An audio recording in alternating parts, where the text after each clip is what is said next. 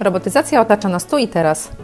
Piotr Wiśniewski oraz jego goście wprowadzają w szeroki zakres tematów związanych z robotyzacją, opowiadając o technologii w prosty i wszechstronny sposób.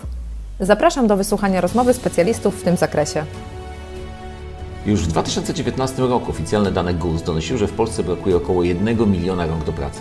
Estymacje te opierały się na oficjalnych raportach przekazywanych przez firmy produkcyjne. Dalej, jak wiemy, sytuacja się już tylko komplikowała. Dziś mam wrażenie, że wyliczenie poziomu braku pracowników produkcyjnych jest praktycznie niemożliwe. Gdy przystępujemy z kolejnymi klientami do rozmowy na temat możliwości usprawnienia i automatyzacji procesów produkcyjnych, zaczynamy od podziału czynności wykonywanych w zakładzie na te, które tworzą wartość dodaną dla klienta i są niezbędne, na te, które nie tworzą wartości dodanej, ale są niezbędne oraz te, które nie tworzą wartości dodanych i są zbędne. Transport materiałów wewnętrznych w zakładzie nie tworzy wartości dodanej dla klienta i jak wiemy, tego kosztu klient nie lubi ponosić. Ale koszty pracy osób realizujących zadania w obszarze logistyki wewnętrznej rosną podobnie jak wszystkich innych pracowników. Dziś wszyscy już wiemy, że nie można czekać i trzeba działać. Szczęśliwie szybko rozwijająca się technologia przychodzi nam z pomocą. Jedną z możliwych odpowiedzi na problem rosnących kosztów logistyki wewnętrznej w zakładach produkcyjnych są roboty mobilne. A jednym z czołowych w Polsce specjalistów w ich zakresie jest nasz dzisiejszy gość, Mateusz Wiśniowski. Mateusz jest współzałożycielem firmy Versabox, który jednocześnie przez szereg lat piastował stanowisko szefa działu technologii. Wiele zrealizowanych przez jego zespół integracji sprawia, że jego praktyczne doświadczenie w zakresie budowy i implementacji technologii robotów mobilnych nie ma sobie równych w Polsce oraz w regionie. Zatem bez zbędnej zwłoki zapraszam do kolejnego odcinka RoboSapiens, którego tematem są roboty mobilne, a gościem Mateusz Wiśniowski. Witam serdecznie. Dzisiaj naszym gościem jest e, Mateusz Wiśniewski, jeden ze współzałożycieli firmy Versabox. Mateuszu, opowiedz nam proszę trochę o sobie, trochę o firmie, daj nam tło. Jestem jednym z założycieli Versaboxu. Od samego początku 2013 roku budujemy tę firmę od podstaw. Firma jest ciągle rosnącym teamem inżynierów, specjalistów, robotyków, który rozbudowuje i dba o produkt, dba o technologię, którą tutaj budujemy. I są to roboty mobilne, właściwie w tej chwili cała platforma intralogistyczna. I tak naprawdę to, co robimy, wynika z naszej pasji, z tego, że wszyscy są zafascynowani robotyką mobilną, algorytmami, technologią, przemysłem. W połączeniu tego wszystkiego razem powstało roboty, Versaboty, o których za chwilkę będę opowiadał.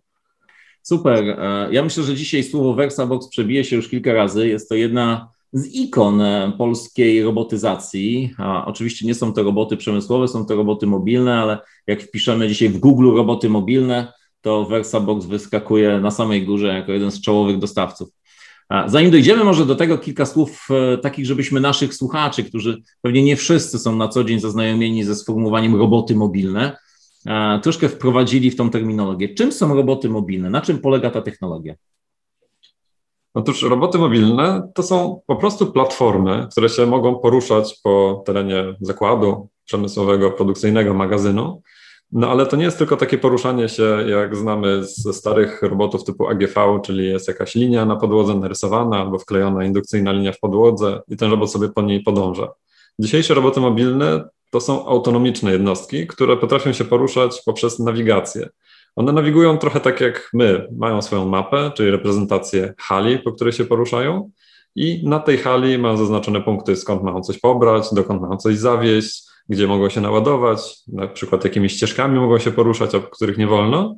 I one same już sobie indywidualnie wyznaczają te trasy, potrafią się przemieszczać e, pomiędzy punktami bez żadnej obsługi operatora, bez żadnej, żadnego wspomagania. A jeśli jest ich więcej, no to przestrzegają różnych zasad ruchu, przestrzegają różnych reguł, które sobie tam wcześniej konfigurujemy. I to tworzy taki ekosystem transportowy na podstawie jednostek platform mobilnych, które są no, tym mechanicznym wykonawcą tych działań. No tak naprawdę to są dosyć zaawansowane komputery, które cały czas przyliczają te algorytmy, które mówią, gdzie się robot znajduje, jak się ma przemieszczać, gdzie się ma zatrzymać. To oczywiście wszystko w reżimie bezpieczeństwa i reżimie procesu, który jest realizowany przez te roboty w, pro, w produkcji albo w magazynie. Co, ja już od jakiegoś czasu prowadzę, prowadzę ten podcast i powiem Tobie, zapraszam różnych ekspertów. Prawie zawsze tak jest, że w pierwszej odpowiedzi dostaję w minutę albo dwie dużą definicję naładowaną bardzo skomplikowanymi treściami, które bardzo często są, no powiedzmy sobie szczerze, niezrozumiałe dla tych, którzy w nich nie żyją. Więc rozpakowanie tych elementów zwykle jest po pierwsze fajną zabawą, a po drugie no, tą edukacją, nasze, której nasi słuchacze szukają. E, słuchaj, czyli jakby rozładujmy to trochę na kawałki. Powiedziałeś, że nie jest to AGV. Trzy kroki w takim razie w przeszłość. Czym są, czym są wózki AGV i czym wy się od nich różnicie? Okej. Okay. AGV to jest skrót Automated Guided Vehicle, czyli to jest platforma, która ma sterownik logiczny, który steruje ruchem tej platformy, ale on jest stałoprogramowy, czyli mamy, załóżmy na hali, linię w podłodze i robot przemieszcza się tylko po tej linii od jej początku do jej końca, wykonując jakiś tam stały cykl. Czyli przemieszcza się po korytarzu, ale jeżeli coś na jego trasie się znajduje, na przykład odłożona paleta, to on się po prostu zatrzyma przed tą paletą. Jest wyposażony w różnego rodzaju sensory, zderzaki, taki ten starego typu robot AGV po prostu by się zatrzymał i by sobie tak czekał, aż ktoś tę paletę zabierze. Natomiast nowoczesne roboty mobilne, tak zwana AMR, czyli Autonomous Mobile Robot, one mają komputer na pokładzie. To już jest komputer, który sobie wylicza trasę, wylicza trajektorię i jest w stanie w takiej samej sytuacji, na korytarzu, po którym robot się zwykle przemieszcza, ktoś ustawia paletę na środku i robot dojeżdża do tej palety, a nawet jeszcze nie dojeżdżając do niej, tylko już wcześniej ją widząc, jest w stanie sobie zaplanować jakimś łukiem, tak jak my na trasie, omijając dziurę w jezdni, ominąć sobie tę paletę, nie przerywając procesu i robiąc to zupełnie płynnie i bez jakiegokolwiek uszczerbku na wydajności. Super. Drugi termin, który y, zapadł mi w pamięć, to system intralogistyczny. Jakbyś był w stanie troszeczkę powiedzieć, bo ja rozumiem, że rzeczywiście znam Waszą technologię nie tak doskonale jak Ty, ale, ale rozumiem, że dzisiejszy świat robotów mobilnych rozwiązuje dużo więcej problemów niż prosty transport e, i też jakby ich programowanie jest dużo bardziej skomplikowane. Jest to element większego systemu. I to jest, jak rozumiem, ten system intralogistyczny. Mógłbyś nam powiedzieć, jakiego typu elementy albo jakiego typu funkcjonalności w zakładzie tego typu systemem jesteście w stanie e, ogarnąć? Masz rację. Może zacznijmy od tego, że logistyka w produkcji czy w magazynie, no intralogistyka polega na tym, że jest wewnątrz budynku, czyli nie wyjeżdżamy poza halę, nie jeździmy po śniegu pod chmurką. Logistyka no, może być w różnych obszarach, na przykład w produkcji pomiędzy wszystkimi etapami produkcyjnymi, czyli od dostawy surowców do gniazd produkcyjnych, montażowych, spawalniczych, lakierniczych, montażu, tak wszystkie te poszczególne procesy pomiędzy sobą albo są połączone jakimś taśmociągiem, albo ktoś musi przewozić te ładunki na przykład na paletach albo w jakichś koszach. I cała ta proces, ten proces przewożenia tych komponentów pomiędzy poszczególnymi etapami produkcji, na przykład gniazdami produkcyjnymi albo magazynem, no to jest właśnie pewien rodzaj intralogistyki wewnątrzprocesowej, wewnątrzzakładowej.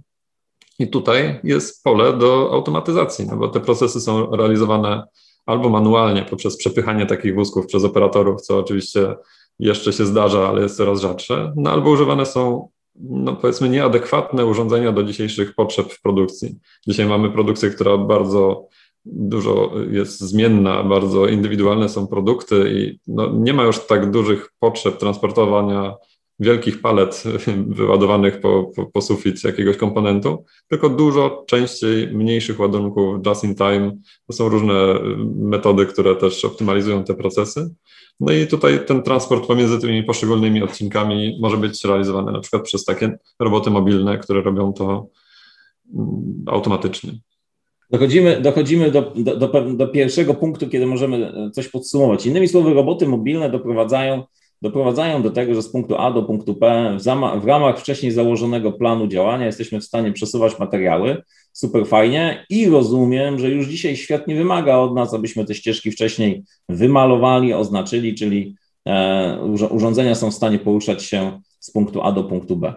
E, natomiast ja z tego, co wcześniej rozmawialiśmy, zrozumiałem, że tak naprawdę bardzo często nie pracujecie jednym robotem mobilnym, tylko całymi gromadami robotów, tak? które są w stanie tą pracę między sobą w prawidłowy sposób zorganizować, zaplanować, rozdzielić. Tak, to prawda. W tych procesach e, to praktycznie bardzo rzadko zdarza się sytuacja, kiedy jeden robot wystarczy do zapewnienia całej, całego procesu produkcyjnego w danym obszarze w danej fabryce. Przypadku, kiedy w procesie jest użyte wiele robotów, muszą mieć centralną jednostkę, która zarządza ruchem i regułami ruchu dla tych robotów, tak aby one się w korytarzach nawzajem nie, może nie chodzi o zablokowanie, ale nie wymuszały sobie pierwszeństwa. Na przykład są obszary, które są jednokierunkowe, Roboty muszą wtedy sobie rezerwować takie obszary. Są obszary, które są bardzo wąskie i tam na przykład można byłoby doprowadzić, gdyby takiego systemu nie było, do jakiegoś e, zagęszczenia, którego potem nie da się w automatyczny sposób rozwiązać, trochę jak korek w tunelu. E, no i tutaj ten system dba o to wszystko i zapewnia bezustanną pracę w takim cyklu automatycznym całego systemu. Słuchaj, to coraz bardziej zaczyna mieć wrażenie, że firma, firma VersaBox wcale nie jest dostawcą tych małych e, jednostek, które szybko się poruszają, tylko jesteście firmą technologiczną, digitalną, która tak naprawdę przede wszystkim rozwija algorytmy sterowania tymi urządzeniami, bo to tu jest chyba tak naprawdę największa wiedza. W naszym portfolio roboty mobilne to jest tylko jeden z elementów. E, cały system nazywamy, system intralogistyczny, który oferujemy, nazywamy platformą Autonomy at Work, która jest zbiorem i modułów software'owych, i tego właśnie hardware'u, który realizuje zadania, czyli różnego rodzaju algorytmów, różnego rodzaju modułów e, software'owych, które dbają o to, aby cały proces był e, zoptymalizowany. I tutaj zaczyna się to już na pierwszym etapie, na etapie projektowania procesu, czyli pewnego rodzaju usług dla klienta w postaci konsultacji czy, czy jakiegoś studium wykonalności, mamy narzędzie symulacyjne, w którym jesteśmy w stanie zasymulować, e, jak ta flota robotów jak z danymi wydajnościami będzie mogła realizować zadania transportowe. Na później tym samym systemem jesteśmy w stanie to zrealizować już na produkcji za pomocą naszych robotów mobilnych. Super. Słuchaj, no to już chyba mamy ogólne, ogólne bardzo rozumienie tego, o co chodzi w robotach mobilnych. A powiedz mi, jak wpływają w takim razie roboty mobilne na organizację pracy w zakładach, tak? W codziennych case'ach, które realizujecie, jak zakłady zmieniły swoją formułę pracy przez to albo dzięki temu, że zainstalowano na nich, w nich właśnie waszą technologię?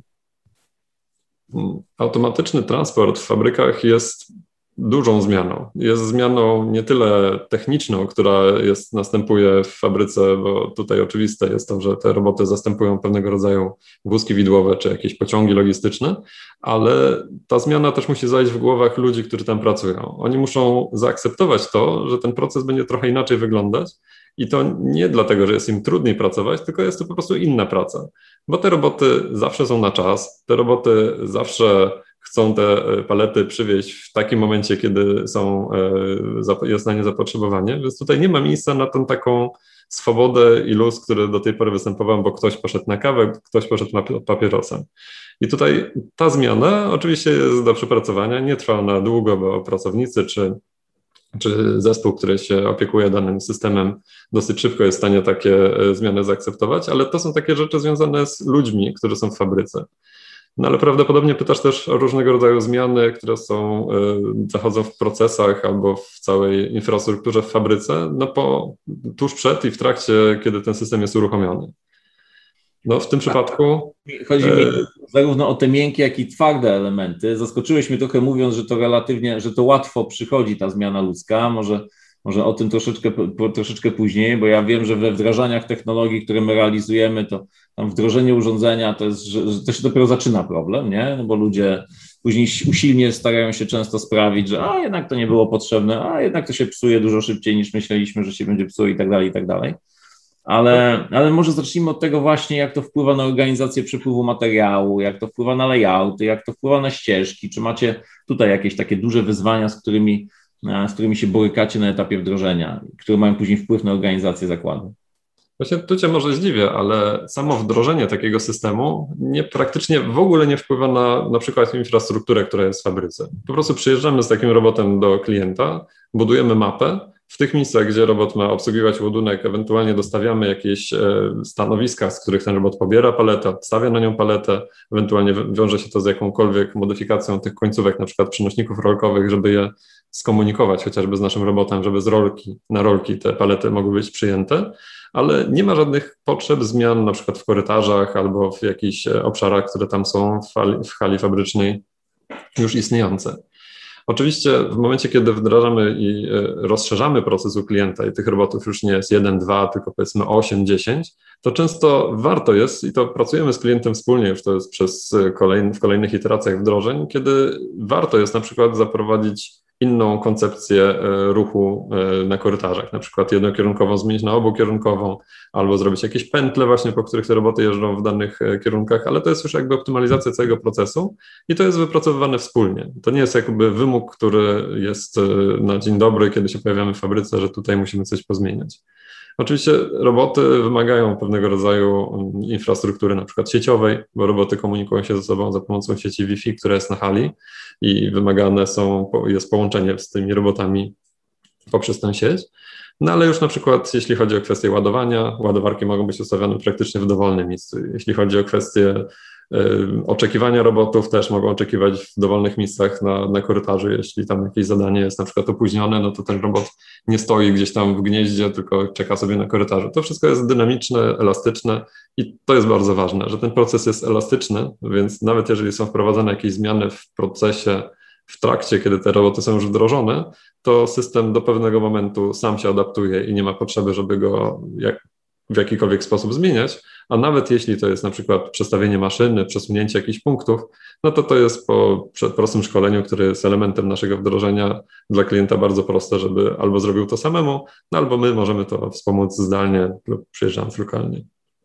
Słuchaj, e, wiesz co, ja myślę, że już ofertę wartości tak zwaną, czyli to, co klienci mogą uzyskać przez e, wykorzystanie robotów mobilnych, to może trochę już namalowaliśmy i mam, mam nadzieję, że trochę z naszych słuchaczy zaczyna się zastanawiać nad tym, Jakie minimalne oczekiwania czy minimalne warunki muszą być spełnione, żeby tego typu technologia na zakładzie się pojawiła? Innymi słowy, czy oni są w stanie dzisiaj rozważać już, już wprowadzenie tej technologii? No myślę, że takie pytania zadaje, zadaje Tobie wielu klientów, więc może ja je Tobie zadam. Jakbyś w kilku punktach, dwóch, trzech, pięciu, w zależności od tego, jaka jest Twoja praktyka, odpowiedział na pytanie, czy już jesteśmy gotowi do tego, żeby na naszym zakładzie tego typu technologię zacząć, zacząć instalować? W większości przypadków tak. To wygląda mm, może zadziwiająco łatwo, ale większość przypadków w fabrykach jest możliwa do zautomatyzowania. Trzeba tylko spełnić jeden, jedyny warunek. Ten proces, który jest zautomatyzowany, musi być znany. Jeżeli jest przez klienta y, w jakiś sposób wydzielony lub zaproponowany wydzielony proces transportowy, który może być zautomatyzowany, jest on znany, zmierzony i w pewien sposób y, Mm, można powiedzieć, e, ogarnięty procesowo, to w tym momencie jesteśmy w stanie e, ten proces zautomatyzować, no bo mamy dane chociażby do tego, żeby zasymulować, ile robotów zapewni daną wydajność na danych odcinkach, na danych trasach. Tutaj po prostu warunkiem, który jest chyba najbardziej istotny, to jest uporządkowany proces po stronie klienta jeszcze zanim przyjedziemy, lub przynajmniej plan uporządkowania tego procesu w momencie, kiedy wprowadzimy nasze roboty. No nie wyobrażam sobie sytuacji automatyzowania procesu, gdzie wszystkie informacje zapisywane są na karteczkach, albo ktoś tam krzyczy przez pół hali, co aktualnie potrzebuje. Jeżeli to są takie procesy, które dzisiaj są realizowane przez ludzi mm, i no, inaczej, jeżeli są procesy, które są w jakiś sposób e, mierzalne, no to jesteśmy w stanie na pewno zautomatyzować. To ja powiem Tobie, przyznam się, że mam za sobą doświadczenie, blisko 10 lat zarządzałem dużymi zakładami produkcyjnymi i w jednym z nich, gdzie mieliśmy w jednej hali 1200 osób, zrobiliśmy, robiliśmy dosyć regularne takie ćwiczenie, że montowaliśmy naszym pracownikom krokomierze, żeby zobaczyć, ile kroków w ciągu zmiany przechodzą. I okazywało się, że dosyć regularnie widywaliśmy, że operator przeszedł na przykład 12 albo 15 tysięcy kroków, czyli przeszedł 10 do 13 kilometrów w ciągu 8-godzinnej pracy. Później robiliśmy analizę tego, dlaczego tak się dzieje. I się okazywało, że na przykład brakowało pudełka jakichś śrubek albo pudełka jakichś nakładek, po które wędrował na magazyn albo, albo zanosił komuś coś. I, I to był taki moment, w którym, w którym ja pamiętam jako dyrektor zarządzający podjąłem decyzję, że trzeba zacząć budować bardzo precyzyjną formułę logistyki wewnętrznej, tak? I to właśnie myślę, że o tej logistyce wewnętrznej teraz mówisz, nie? Do momentu, kiedy nie identyfikujemy, że jest to w organizacji bardzo ważny proces, który kosztuje tak naprawdę nas, bo przecież każda minuta pracownika, który idzie do magazynu, to jest minuta, w którym maszyna, którą prawdopodobnie powinien obsługiwać, jej nie obsługiwał. To są minuty stracone i i, i powód na, do tego, żeby się właśnie bardzo mocno koncentrować nad oszczędnościami. A w dzisiejszych czasach, w czasach, kiedy ludzi brakuje, brakuje takich u nas, jak i w zasadzie w większości krajów europejskich, podobnie dzieje się w Amerykach, e, brakuje rąk do pracy, no to jednak wy, wyciąganie tych procesów, które ustrukturyzowane nadają się do tego, żeby je automatyzować, no to jest przyszłości i ogromny kierunek działania. Powiedz mi, jak oceniasz, czy, czy ten rynek robotów mobilnych będzie teraz w najbliższych globalnie, w najbliższych latach rozwijał się szybko? Masz jakieś wiedzę, predykcje na ten temat? Oczywiście, no, pytanie jest z oczywistą odpowiedzią, że tak, będzie się rozwijać. Pytanie jest bardziej istotne, jak bardzo i kiedy, prawda? Mamy statystyki z poprzednich lat, że ten wzrost robotyzacji, ale tak łącznie robotyzacji robotów mobilnych i robotów e, przemysłowych, to był taki skok ostatnio, nawet o 50%, jeśli chodzi o wdrożenia, przynajmniej w tej części e, bardziej e, rozwiniętej technologicznie na świecie. No ale szacuje się, że to jest tam około 20-25% ciągłego wzrostu, a roboty mobilne są teraz bardzo mocnym czynnikiem tego wzrostu, no bo tak naprawdę roboty przemysłowe owszem, są wdrażane i cały czas się rozwijają, ale to dopiero teraz nastąpił taki boom rozwoju tych robotów AMR, które, no, szczerze mówiąc, bardzo dużo konkurują z AGV, tymi starego typu, bo można je po prostu wprowadzić do fabryki i one tam działają bez żadnych modyfikacji, bez żadnych jakichś ograniczeń. Więc ten wzrost 25% zakłada się, że będzie również w Polsce. No Polska w różnych branżach się rozwija podobnie jak na świecie, nawet tak jak no, ostatnia sytuacja pandemii troszeczkę spowolniła ten rozwój branży motoryzacyjnej, ale nadgoniły te wszystkie branże spożywcze, meblarskie, te produkcyjne, one też bardzo y, inwestują właśnie w tego typu rozwiązania. No automatyzacja jest no, jakby tutaj w każdej branży konieczna, w niektórych branżach po prostu jest bardziej uzasadniona ekonomicznie. No, to jest też często związane z samym czasem zwrotu inwestycji, no, który po prostu w niektórych branżach jest trochę krótszy i to jest bardziej opłacalne, a niektóre branże są odważniejsze i zawsze, tak jak motoryzacyjna branża, zawsze więcej inwestowały. To bardziej odważnie i bardziej mm, nowatorsko, jeśli chodzi o tego typu rozwiązania. A ja tobie powiem, że ja oceniam, że, że jednak dużo szybciej branża robotów mobilnych będzie się rozwijała niż robotów przemysłowych i trochę predykcji rynkowych to potwierdza. No weź pod uwagę, że to, co wy jesteście w stanie przejąć od rąk ludzkich, to jest ta praca najnudniejsza, najniżej płatna i najmniej chciana, tak? czyli prosty transport na zakładach e, logistyki wewnętrznej, podczas kiedy operator, szczególnie ten bardziej e, przystosowany i przygotowany do pracy na danym stanowisku, jest po prostu w stanie zarabiać lepsze pieniądze. W związku z czym wybierają właśnie tego typu formułę i coraz bardziej brakuje rąk do pracy dla tych prostych czynności. Ja dotarłem do raportu, który pokazuje, że w najbliższych pięciu latach rynek robotów mobilnych na świecie powinien się rozwijać co najmniej z dynamiką 35%. E, podczas kiedy roboty przemysłowe to jest ocena pomiędzy 18 a 21%, więc jednak powiedzmy sobie szczerze, przed Versaboxem i przed waszymi pracami, no świetlana, świetlana przyszłość. Słuchaj, ostatnie pytanie. A na rynku polskim, gdzie jesteście? Opowiedz nam trochę o firmie, bo mam nadzieję, że już wszyscy są naprawdę w tym momencie przekonani, że warto jest popatrzeć na tą technologię, a mamy jednak na rodzinnym rynku firmę, która no, robi fantastyczne rzeczy. No powiedz nam troszeczkę o tym. To jest te trzy minuty na lokowanie produktu. Jesteśmy bardzo zadowoleni z tego, jaka jest sytuacja w Polsce. Mimo tego, jak przez e, ograniczenia pandemiczne troszkę się to wstrzymało, w tym momencie ruszyło to po prostu z kopyta, bo wszyscy zdecydowali się, że te inwestycje właśnie w intralogistykę są bardzo ważne i mają duży wpływ po prostu na zapewnienie, można powiedzieć, bezpieczeństwa procesów, nawet w trudnych, nietypowych sytuacjach, które mogą się zdarzyć. Mamy wdrożenia w różnych branżach, tak jak wspomniałem, no nie tylko motoryzacyjne, od której zaczęliśmy, ale też i spożywcze, meblarskie, też już pierwsze różnego rodzaju e, fabryki, e, które, które po prostu w różnych standardach e, takiego transportu oczekują. No i tutaj mamy nadzieję, że ponieważ potrzeba jest wielka i cały ten rynek rozwija się bardzo dynamicznie, no będzie to następowało w równie dobrym tempie, a może tak jak wspomniałeś, nawet optymistycznie jeszcze większym. Polska nie jest bardzo, to jest źle, źle, jeżeli określają wszyscy, że Polska jest w tyle, jeśli chodzi o automatyzację względem Zachodu. W Polsce naprawdę się bardzo dużo automatyzuje, bardzo dużo się dzieje, więc potrzeba jest takich e, rozwiązań, które, które po prostu w tym pomagają.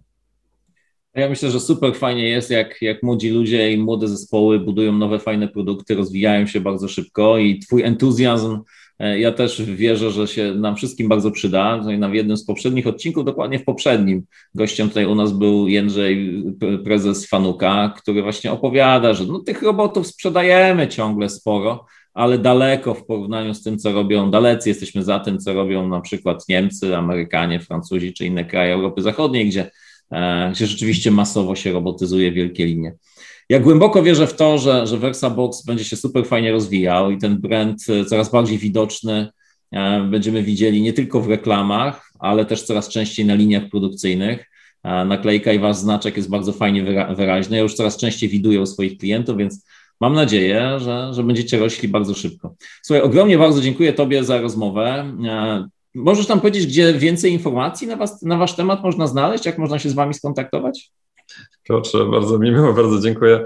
Jasne, myślę, że pierwszym punktem kontaktowym, który polecam, to jest zawsze nasza strona www.versabox.eu, no a dalej to już ta strona poprowadzi, jakimi kanałami najlepiej się w danej przestrzeni kontaktować, aby mieć jak najlepszą i najszybszą odpowiedź. Ja jeszcze dodam, że jako jedni z nielicznych z firm wdrożeniowych w Polsce odpaliliście prawdziwy już social media proces sprzedaży i ja bardzo regularnie widuję wasze reklamy na Facebooku, na Instagramie, e, które przypominają mi ciągle o tym, że jest taki fajny polski producent i mam nadzieję, że coraz częściej te, te, te takie proste lidy zaczną się przerabiać, też przeradzać się w fajne zlecenia dla was. Dziękuję Ci serdecznie za tę rozmowę i do usłyszenia. Bardzo dziękuję. Do usłyszenia. RoboSapiens to seria podcastów inspirowanych oraz sponsorowanych przez pierwszą na świecie platformę robotów DBR77.com. Ta unikatowa platforma pozwala sprawnie i efektywnie zrobotyzować linie produkcyjne praktycznie każdej branży. Jesteśmy jedynym miejscem, które stwarza możliwość zdalnego przedstawienia wyzwania technologicznego w nowatorskim studio 3D oraz umożliwia zebranie szerokiego zakresu koncepcji jego rozwiązania. Platforma DBR77.com dostarcza innowacyjne i darmowe oprogramowanie, dzięki któremu w pełni zaprojektujesz i przeanalizujesz linie produkcyjne, a nawet całe zakłady produkcyjne. Platforma robotów DBR77 to wszystkie roboty w jednym miejscu.